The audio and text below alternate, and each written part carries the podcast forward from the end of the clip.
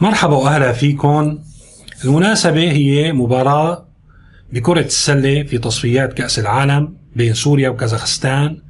المكان هو العاصمة عاصمة كازاخستان نور سلطان يلي بنعرفها باسم أستنا وهي مرتبطة باسم مسار مهم للتسوية السورية. صار في 16 جلسة منذ بداية انطلاق هذا المسار فإذا يعني في آه، تقارب أو في كازاخستان كدولة والقائمين عليها بيعرفونا منيح وأن طرف بشكل أو بآخر من عملية التسوية في هذا المسار. نحن بنعرف بداية كل مباراة بيكون في عزف للنشيد الوطني لكل فريق وقت أجا ليعزفوا النشيد الوطني لسوريا حطوا غير نشيد مو النشيد الوطني وتم تمييز النشيد بأنه هذا نشيد دولة إيران. هلا نحن طبعا مثل ما قلنا علاقتنا قوية بكازاخستان يعني مجال الخطأ ضعيف ولكنه وارد.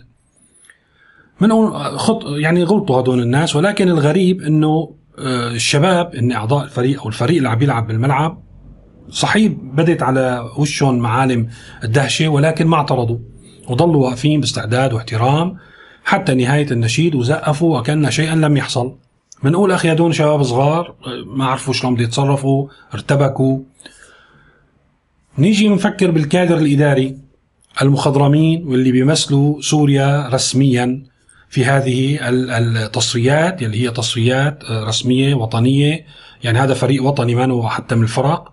والمفروض إنه كانوا يتصرفوا لحتى يتجاوزوا هالفضيحة الكبيرة يعترضوا ويصححوا يعني يرجعوا يحطوا النشيد الوطني السوري.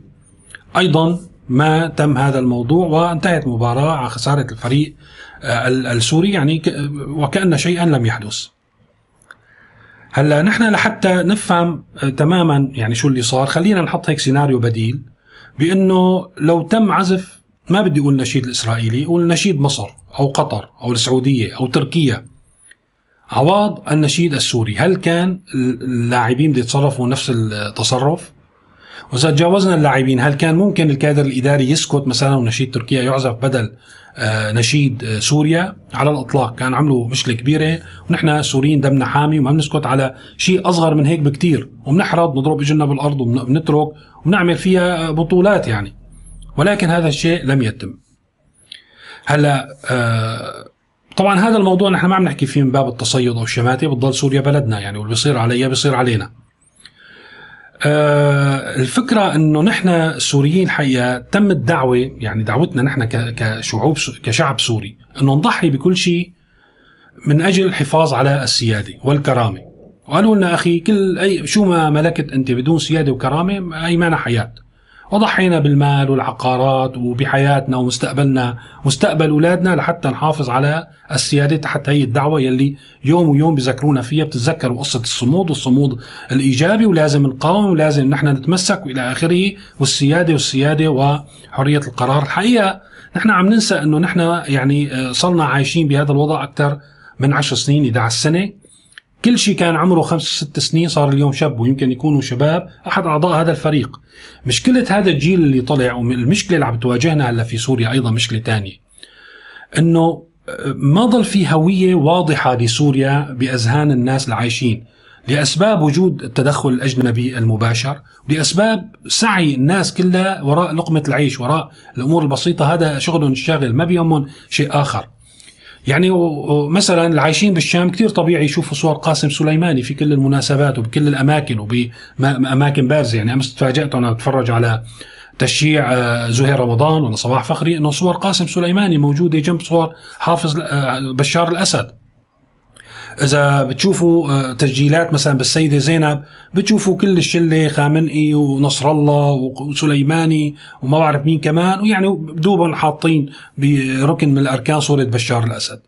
علم آه، آه، سوريا وروسيا بتشوفوا صورة بوتين بتشوفوها بمكان تاني بارز أكثر من صورة بشار الأسد ومحطوطة صورة بشار الأسد جنبه في ريف حمص ريف طرطوس. أيضا هذا الشيء موجود.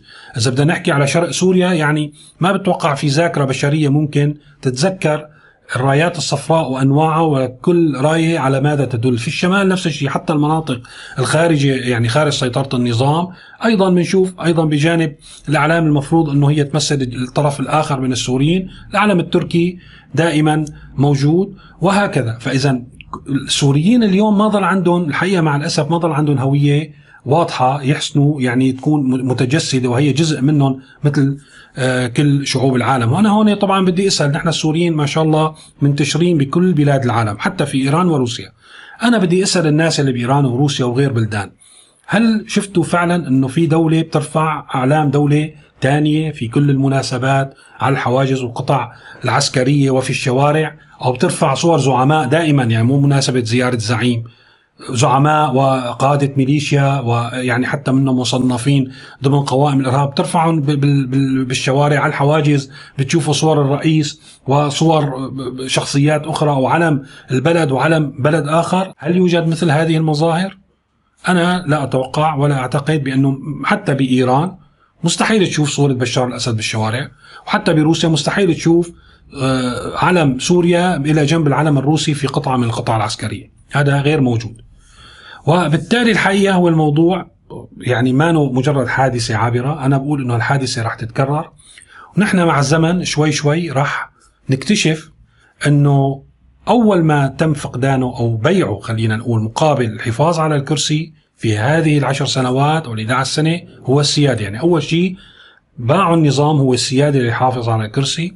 ويمكن يكون هو آخر شيء ممكن نحسن نسترجعه بعد ما نخلص المأساة يلي نحن عايشينها. شكرا لمتابعتكم وإلى اللقاء.